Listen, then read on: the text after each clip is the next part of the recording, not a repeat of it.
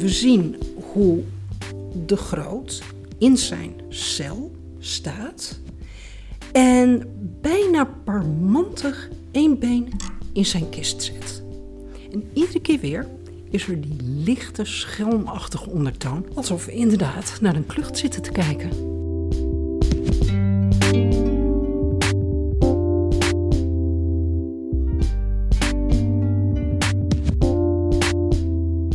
Onderdrukking en vrijheid. Over die thema's organiseren de universitaire bibliotheken Leiden een mooi programma. In deze podcast gaan we in gesprek over topstukken uit de collectie. In deze aflevering Jacqueline Hielkema over de wonderlijke ontsnapping van Hugo de Groot, dit jaar precies 400 jaar geleden.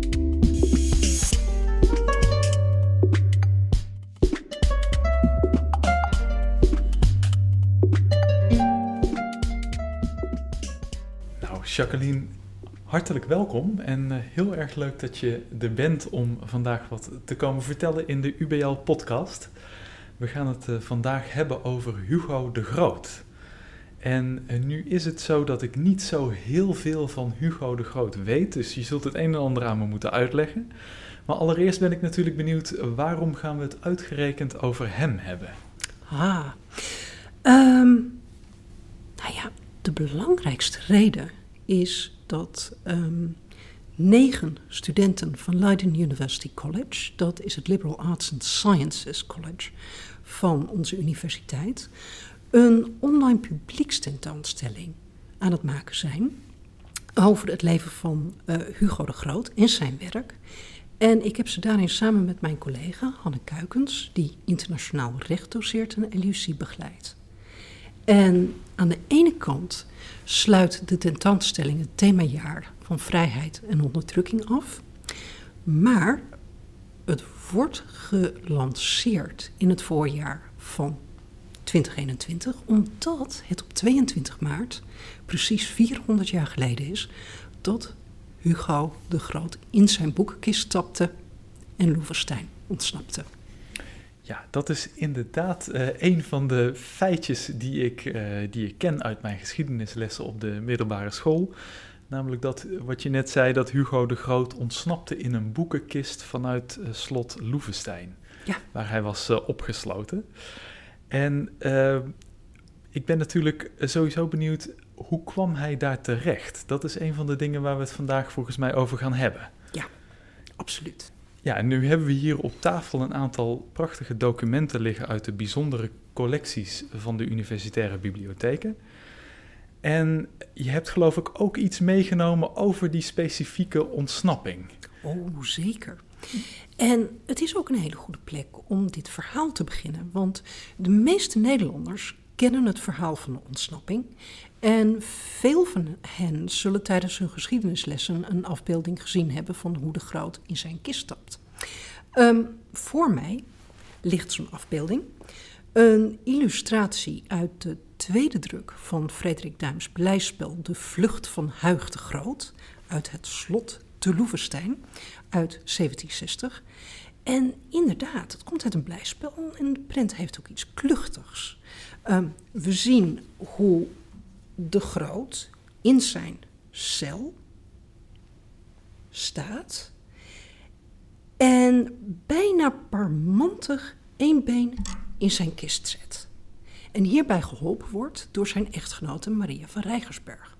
Nou, Maria, die bij de Groot op Loevestein woonde, samen met hun kinderen, had het ontsnappingsplan bedacht. Wat Duim in een hele lange scène ook beschrijft. En ze moet haar man echt overtuigen, in Duims toneelstuk, dat dit kan lukken. En zelfs net voor de ontsnapping begint, heeft Grotius nog een zetje nodig. Volgens Duim zegt Maria: Vaarwel, mijn lief, mijn lust, trek uit den rok. De kleren moesten uit, anders was er geen plek. Dus hij is echt in zijn ondergoed die kist gegaan. Het is tijd. Begeef u in de kist. Nou, die illustratie is een van de vroegere representaties van dit moment. Dat de Groot die kist instapt. En in de latere 18e en 19e eeuw wordt dat keer op keer herhaald. Het wordt getekend, het wordt geschilderd, het wordt gegraveerd en daarmee representatief voor die hele ontsnapping. En iedere keer weer is er die lichte, schelmachtige ondertoon, alsof we inderdaad naar een klucht zitten te kijken. Ja, en, en is het zo ook ongeveer gegaan destijds? Natuurlijk zullen de groot en zijn vrouw een stuk nerveuzer zijn geweest dan je op al die afbeeldingen ziet. Ehm, de ontsnapping was riskant. En er stond nogal wat op het spel. Als dit misging, waren de gevolgen niet overzien geweest voor het gezin. Maar in grote lijnen klopt de representatie wel. Want een van de meer opmerkelijke aspecten van ontsnapping is hoe snel dat nieuws zich verspreidde. En hoeveel details al meteen bekend werden. Zes dagen na de ontsnapping schrijft de Franse ambassadeur in de Republiek een brief aan Grootjes, die we in de bijzondere collecties hebben, om zijn hulp aan te bieden. En hij prijst hem in die brief ook dat Grootjes geen deuren of sloten heeft hoeven breken om te kunnen ontsnappen. En Grootjes heeft ook zelf een grote rol gehad in het vastleggen van ontsnapping. Heel kort daarna verschijnt in Antwerpen een anoniem pamflet met een heel gedetailleerde beschrijving van wat gebeurd is. Wellicht zelfs van Grootjes eigen hand. En hij heeft er later poëzie over geschreven. En daarbij ook Maria alle eer gegeven voor het bedenken van het plan. Ja, prachtig. En, en toch hoorde ik je volgens mij net uh, wel tussen de regels door zeggen dat, dat het boek waar we het nu over hebben en waar we nu over spreken, dat dat niet uit de, dezelfde tijd komt als, als de ontsnapping. Nee, dat klopt helemaal. Want um, de beschrijvingen van de ontsnapping, zoals de brieven en dat pamflet, dat is textueel. Visuele representaties zijn pas van later. Dat komt echt in de 18e eeuw. Dat betekent niet dat we geen beelden hebben van Gratius uit de 17e eeuw, maar dat is een ander verhaal. Ja, en, en hebben we dat, dat verhaal uit zijn eigen tijd? Hebben we dat nou ook? Of, uh, of is alles van latere dato? Nee, nee, nee, nee. nee. Um, we hebben heel erg veel. We hebben heel erg veel. Natuurlijk, er zijn geschilderde portretten van Grotius. Uh, bijvoorbeeld het prachtige schilderij van Michiel van Mierenveld in het Rijksmuseum. Maar waar je Grotius vooral kan vinden, is in de printcultuur van de Republiek van die eerste helft van de 17e eeuw. En natuurlijk wordt er in die periode heel veel gedrukt door heel Europa. Overal worden printen gemaakt. Maar in de Republiek is die productie echt enorm. En in heel veel verschillende genres, zoals portretten en nieuwsprinten, uh, satirische printen, religieuze printen, alledaagse scènes, reproducties van schilderijen. Eigenlijk te veel om op te noemen. En de cultuur van de Republiek is een enorm visuele cultuur, maar ook een gesegmenteerde cultuur. Uh, er is een hoge mate van vrijheid, maar ook van onderdrukking en frictie. En die komen tot uiting in prenten. Uh, de bijzondere collecties heeft heel veel prentmateriaal dat gerelateerd is aan Grotius. Uh, het was ook enorm moeilijk om een keuze te maken. Maar waar ik naar wil kijken, um, dat zijn twee portretten, om toch ja, wat meer over hem uh, te vertellen. Uh, een paar nieuwsprenten over de gebeurtenissen in 1618 en 1619. Uh, waarin Grotius gevangen gezet wordt in Loevestein. En tenslotte een topstuk. Uh, Rembrandts portret van Johannes uit de Boogaard. Ja, en daar gaan we in eh, de komende uh, minuten gaan we daar uh, voorzichtig naartoe werken. Naar dat prachtige topstuk. en eigenlijk wat het, wat het doel ook een beetje is van dit gesprek, in ieder geval voor mij, dat is om erachter te komen waarom zat hij nou gevangen? Hè? Dus ik, ik ken uit de geschiedenislessen nog, nog heel goed die ontsnapping, die enorm tot de verbeelding spreekt. Maar als je me zou vragen, tenminste tot, uh, tot ik me ging, ging inlezen, waarom zat hij nou gevangen, dan is dat voor mij allemaal wat, uh, wat waziger, zeg maar. Dus ik hoop dat je me daarbij wil helpen. Ja, Natuurlijk, heel graag. Ehm, ja, waar begin je het verhaal van Grotius? Het eerste stuk dat ik wil laten zien gaat ver terug. Het is een portretprint uh, van Grotius als 15-jarige. Ehm, gemaakt door Jacob de Gein. Dat was een graveur die in Leiden werkte. En Grotius ook goed kende. Grotius uh, maakte onderschriften bij een aantal van de Geins prenten. En wanneer we naar deze prent kijken, ja, het is duidelijk een 15-jarige. We kijken naar een kind. Een kind dat heel serieus kijkt. En een kind dat ook trots een medaillon vasthoudt. Dat medaillon is heel bijzonder. Um, Grotius is net terug van een diplomatieke reis naar Frankrijk met Johan van Oldenbarneveld. En dat medaillon is een geschenk van de Franse koning Hendrik IV, die Grotius het wonder van Holland genoemd zou hebben. En inderdaad, Grotius was uitzonderlijk. Hij was op elfjarige leeftijd, en dat was destijds ook al erg jong, aan zijn studie in Leiden begonnen. En de Universiteit Leiden, ja, die bruiste op dat moment.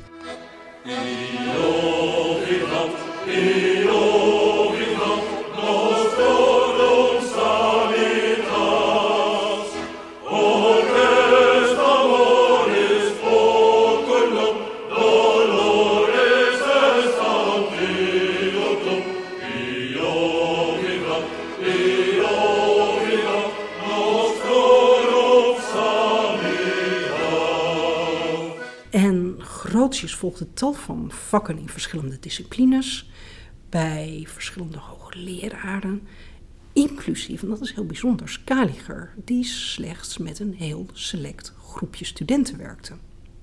En de universiteit zag zichzelf als bolwerk van vrijheid. Met een zegel waarin Minerva haar schild en speer aan de kant heeft geschoven en zich alleen op haar boeken richt. En in dat bolwerk is ruimte voor discussie. En helaas lopen sommige van die discussies niet goed af. En dat geldt zeker voor een debat dat in 1604 ontstaat tussen twee hoogleraren uh, theologie, uh, Franciscus Gomarus en Jacobus Arminius. Zij ruzien over predestinatie, de goddelijke voorbeschikking. Langzaam maar zeker wordt de ruzie over geloof en vrije wil heftiger en ingrijpender. En in de jaren na Arminius' dood, in 1609, ontwikkelt dat zich tot een heel lang en complex theologisch en politiek conflict tussen grofweg, het is echt grofweg, twee partijen. De staatsgezinden, die niet allemaal de ideeën van Arminius aanhangen, maar wel voor religieuze tolerantie pleiten en de contra-remonstranten die vasthouden aan de orthodoxe leer. Die laatste vinden steun bij de stadhouder Maurits. En langzaam maar zeker vaart die af op een conflict met landsadvocaat en raadspensionaris Johan van Oldenbarneveld in het staatsgezindenkamp. Nou, Grootje zit heel dicht bij dat vuur. Oldenbarneveld is al sinds zijn tienerjaren um, een mentor voor hem.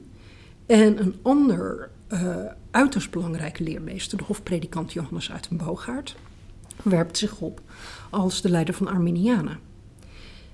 Nou, mede dankzij deze connecties heeft Grotius heel snel carrière gemaakt. Hij wordt uh, advocaat, uh, advocaat fiscaal van de Hoge Raad van Holland, Zeeland en West-Friesland. Hij schrijft, schrijft geschiedenisboeken. Hij is, is rechtswetenschapper. Zijn boek Mare Liberum uit 1609 is een uiterst belangrijk onderdeel in de ontwikkeling van internationaal recht. Maar hij houdt het af in eerste instantie. Hij is heel voorzichtig hoe hij zich in dit vuur gaat begeven. En toch raakt op een gegeven moment raakt die 15-jarige jongen die we daar zien op dat uh, prentje, raakt toch betrokken in dit conflict, heb ik het vermoeden. Ja, uh, hij heeft in 1613 al een glorieuze carrière achter de rug. En dan wordt hij pensionaris van Rotterdam. Een belangrijke functie. En in dit tweede stuk, um, daar, dat is een portretprint van Klaas Jansson Visser. Dat is hoe hij wordt gepresenteerd als de pensionaris van Rotterdam. Nou, het is een portretprint en we zien een zeer ernstig kijkende jongeman. Hij is 30 op dat moment. Maar het is statig, het is gedistanceerd. Dit is een staatsman in wording. Grootjes heeft zich vrij lang erg terughoudend opgesteld in deze twisten. Maar in 1613 gooit hij zich toch vrij roekeloos in een conflict over de opvolging van Arminius aan de Leidse Universiteit en begint hij meer en meer positie in te nemen en te pleiten voor religieuze tolerantie. Maar de spanningen tussen de staatsgezinden en contra-remonstranten die lopen gewoon steeds verder op. En in 1618 pleegt Maurits een staatsgreep. In de zomer worden Oldenbarneveld, Grootjes en een aantal andere staatsgezinden gearresteerd. En na een politiek proces in 1619 voor hoogverraad veroordeeld. En toen was er eigenlijk geen houden meer aan. Ja, het proces komt en alle beklaagden worden veroordeeld. En in het geval van Oldenbarneveld betekende dat ter doodveroordeling. Um, zoals deze grote nieuwsprint van Visser, ik heb hem hier voor me, laat zien. Heel groot erboven zien we staan: Justitie geschiet den 13 mei 1619 aan Johan van Oldenbarneveld, gewezen advocaat van Holland. En het is een heel bekende print, nog steeds. Uh, wordt overal nog gebruikt ter illustratie van de executie. En wat je ziet in de print, zoals het heel nadrukkelijk aangeeft, uh, het Hof van Holland. En alle gebouwen hierin worden ook heel nadrukkelijk geïdentificeerd. Hier links hebben we uh, het Hof van Maurits, dan in het midden de Hofkerk en rechts de Grote Zaal. En voor de Grote Zaal staat het schafot waar Oldenbarneveld wordt geëxecuteerd. Um, en wordt gadegeslagen erin door een zee van mensen. De executie zelf, die zie je vanuit de verte. En de nadruk ligt eigenlijk veel meer op het grote publiek en de gebouwen. En dat is opzettelijk, want dat suggereert autoriteit en medestand. Hier wordt gesuggereerd, zoals de titel aangeeft, dat er sprake is van justitie en een rechtmatige executie. Terwijl we weten dat er toch van alles rammelde. Ja. Je moet altijd, wanneer je printen uit de vroegmoderne periode onderzoekt, kijken wie heeft dit gemaakt en voor wie.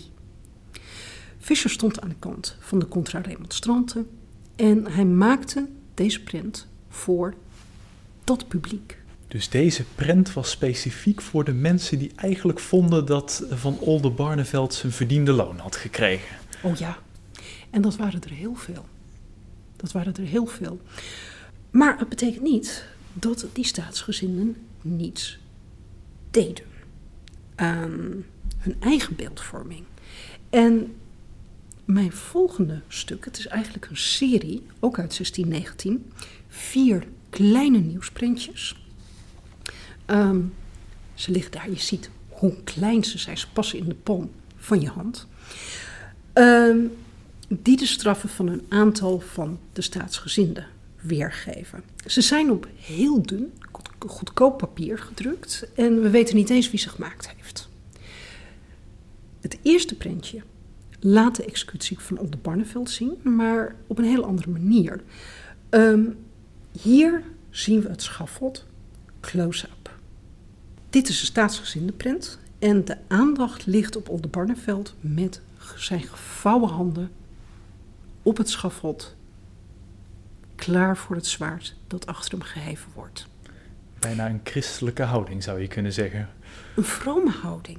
Ja. Dit is een vroom, rechtschapen man. Ja. Um, tweede prentje toont het lot van Gilles van Ledenberg, um, secretaris van Utrecht, die kort na zijn arrestatie in de zomer van 1618 zelfmoord heeft gepleegd. Hij wordt alsnog ter dood veroordeeld en op 15 mei 1619 wordt zijn kist opgehangen. En dat is wat we hier zien. Een kist, een doodskist, hangend aan een galg. Met twee mensen die daar enigszins verbouwereerd naar kijken. Misschien om ja, te benadrukken hoe bizar die situatie eigenlijk was. Fischer brengt ook een print uit over precies hetzelfde onderwerp. Met precies dezelfde elementen als zijn prent over de executie van Oldenbarneveld. De autoriteit van de rechtbank en de validiteit van het vonnis en de steun van het volk. En in het onderschrift legt hij dat dan ook nog eens haarfijn uit. Dit is anders. En dan Grotius, een derde printje. Het onderschrift zegt R. Hogerbeets en H. de Groot eeuwig gevangen den 18e mei. Nou, zowel Grotius als de voormalige pensionaris van Leiden, Rombout Hogerbeets, waren veroordeeld tot levenslange opsluiting. En we zien hier hoe ze naar Loevestein worden gebracht. We zien ze van achteren, op de rug, geflankeerd door een overmacht aan soldaten. Links, rechts, de wapens gericht. Op de achtergrond zien we Loevestein. Het doemtop in de achtergrond. Loevestein, en dat is ook heel duidelijk te lezen in allerlei 17e-eeuwse pamfletten, was een schrikbeeld. Een plek waar dissidenten terechtkwamen. En ja, het was de bedoeling dat Grotius en Hogerbeets er ook nooit meer uit zouden komen. Nee, een soort politieke gevangenis was het. Ja. Ja. ja. Dus wat we, wat we tot nu toe hebben gezien is eigenlijk twee verschillende visies op uh, de ter dood veroordeling van, van Oldenbarneveld. Dat was, uh, als ik je goed begrijp, was dat een, een belangrijke mentor uh, en vriend van, van Hugo de Groot.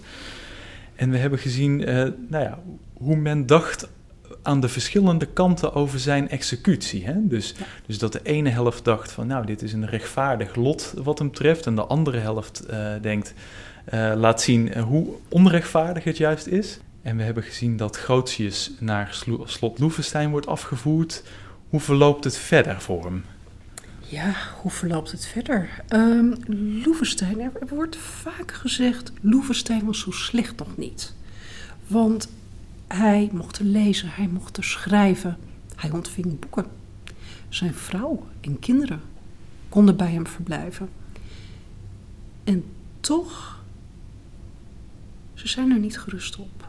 Want je weet nooit of er een ergere straf volgt. Um, dus ja, op een gegeven moment is Maria met het idee gekomen voor de ontsnapping. Die lukt. Uh, het gaat prachtig. Gesmeerd. En voor je het weet zit Grotius in Parijs. Waar hij doorgaat met het schrijven van zijn juridische werken. Hij wordt ambassadeur van Zweden. En op zich is dat een heel succesvol en productief leven, maar hij wil terug naar de Republiek. En dat gaat niet. Er is te veel weerstand. Er waren sprankjes hoop. Bijvoorbeeld uit een boogaard keert na de dood van Maurits terug naar de Republiek.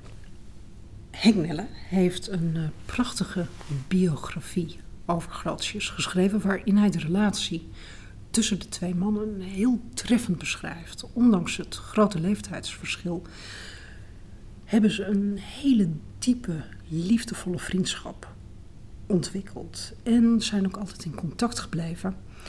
Um, uit een boogaard houdt Grotius in Parijs op de hoogte van de situatie in de Republiek en zijn kansen om terug te mogen keren. Nou, de volgelingen van Arminius, de remonstranten, zijn enorm opgetogen dat het uit een boogaard gelukt is om terug te komen. En in 1633 vraagt de remonstrantse koopman Abraham Recht aan Rembrandt om een portret van uit een boogaard te schilderen. Dit is het schitterende portret dat nu in het Rijksmuseum hangt.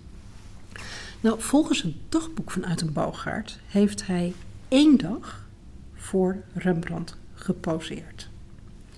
En het is mogelijk dat Rembrandt diezelfde dag de schetsen heeft gemaakt voor een ets die in 1635 gepubliceerd wordt. Nou, dat is deze ets. Hij ligt aan de andere kant van de tafel. Nou, er zijn verschillende staten van deze print bewaard gebleven. En een aantal daarvan heeft een wat onhandig geëtst onderschrift. Vier dichtregels van Grotius over hoe de rechtbank een man moest veroordelen die zo algemeen bewonderd werd. Nu is hij terug in Den Haag, waar hij thuis hoort. En tussen de regels kun je lezen. Tussen de oprechte lof en respect voor zijn vriend lees je dat Grotius vraagt: Mag ik ook terugkomen nu? Nou, ondanks die hoop heeft Grotius, want je wil natuurlijk weten uh, hoe het afloopt, heeft zich nooit meer in de Republiek kunnen vestigen. Hij is nog even terug geweest in mei 1645. Onderweg naar Zweden. En tijdens zijn terugreis van Zweden leidt zijn schip schipbreuk. Grotius overleeft. Maar hij is dermate verzwakt dat hij kort daarop overlijdt in Rostock. En wat me nou zo interesseert, je, je werkt zelf aan het uh, Leiden University College met heel veel uh, studenten van uh, buiten Nederland. En samen gaan jullie dus een tentoonstelling maken over deze Hugo de Groot. En ik ben dan benieuwd, waarom is dat niet alleen interessant voor, voor Nederlandse studenten, maar ook voor die buitenlandse studenten? Wat hebben zij met deze Nederlandse geschiedenis te maken? Um, dat is een prachtige vraag. Kijk, Leiden University College is zoals uh, de Universiteit Leiden in Grotius' eigen periode een liberal arts and sciences college. Um, onze studenten volgen veel verschillende vakken, um, waaronder uh, internationaal recht, waar Grotius nog uiterst relevant is. Andere studenten volgen mijn vakken um, over uh, religieuze diversiteit in um, de Nederlandse Republiek in de 17e eeuw. En ontmoeten Grotius in de discussie over religieuze tolerantie.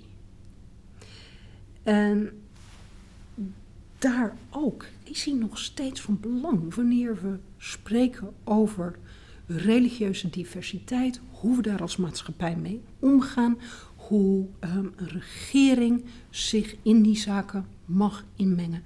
Grotius is nog steeds uiterst relevant. En niet alleen binnen de landsgrenzen. Dus eigenlijk of je nou vanuit de hoek van de rechtsgeleerdheid komt, of je komt vanuit de hoek van, van religieuze tolerantie, je komt altijd weer bij deze meneer terecht, zeg maar. Ja, Grotius is zeker uh, een erg belangrijke stem in dat discours over ja, het ontwikkelen van tolerantie in een moderne, pluriforme maatschappij. Een stem van betekenis nog steeds. Ja, en kun je al een klein tipje van de sluier oplichten wat we, wat we kunnen zien als we die tentoonstelling gaan bekijken? Natuurlijk, de tentoonstelling sluit het themajaar vrijheid en onderdrukking af. Dus dat is het voornaamste kader. Um, Grotius Alive Between Freedom and Oppression heet de tentoonstelling dan ook. En daarbinnen wordt dan dat leven geschetst aan de hand van correspondentie, prenten, boeken. Eigenlijk laat het ook die enorme rijkdom van de bijzondere collecties zien. En wat is de rol van je, jouw studenten dan uh, binnen deze tentoonstelling? Wat, wat mogen zij of wat moeten zij misschien wel allemaal uh, doen om deze tentoonstelling te, te realiseren? Ah, veel. De studenten hebben heel veel gedaan. Ze hebben het materiaal geselecteerd. Um, ze zijn echt de collectie ingegaan en hebben daar gekeken. Wat is daar? Waar kunnen we het verhaal mee vertellen? Ze hebben het onderzoek gedaan, wat niet gemakkelijk was, omdat eigenlijk het hele proces zich heeft afgespeeld in lockdown. En ze hebben ook veel geschreven aan de tentoonstelling. En bovendien, zodra de tentoonstelling gelanceerd is, dit voorjaar gaan ze ook een programma van verschillende lezingen en activiteiten rondom, je raadt hem al, de 400ste verjaardag van de boekenkist opzetten. Heel goed. En wat is misschien dan wel de, uh, tot slot de allerbelangrijkste les die, die jouw studenten hier misschien uit uh, moeten halen uit dit hele proces? Praktische vaardigheden natuurlijk. Onderzoek. Maar ook het valoriseren van het onderzoek. Dat je het kan vertalen op zo'n manier dat er een verhaal verteld wordt dat voor iedereen toegankelijk is. Dus ja, ik hoop heel erg dat ze die vaardigheden opsteken, maar ook dat er is kritisch onderzoek nodig om die periode beter te begrijpen en die periode te gaan zien niet als ja, dat ideale plaatje van vrijheid en tolerantie, maar hoe zo'n pluriforme maatschappij omgaat met dit soort begrippen als tolerantie. Dus wat ik heel erg hoop is dat ze geleerd hebben om kritisch historisch onderzoek te doen, die traditionele verhalen toch te ondervragen. En dan ook het verhaal dat zij ontdekt hebben kunnen overbrengen. Nou, als dat lukt aan de hand van deze online tentoonstelling, waar ik erg naar uitkijk, dan, dan zou dat fantastisch zijn. En uh, ik wil jou hartelijk bedanken voor je komst en voor je goede uitleg. En dan hoop ik dat de tentoonstelling een uh, enorm succes wordt. Dankjewel. Dankjewel.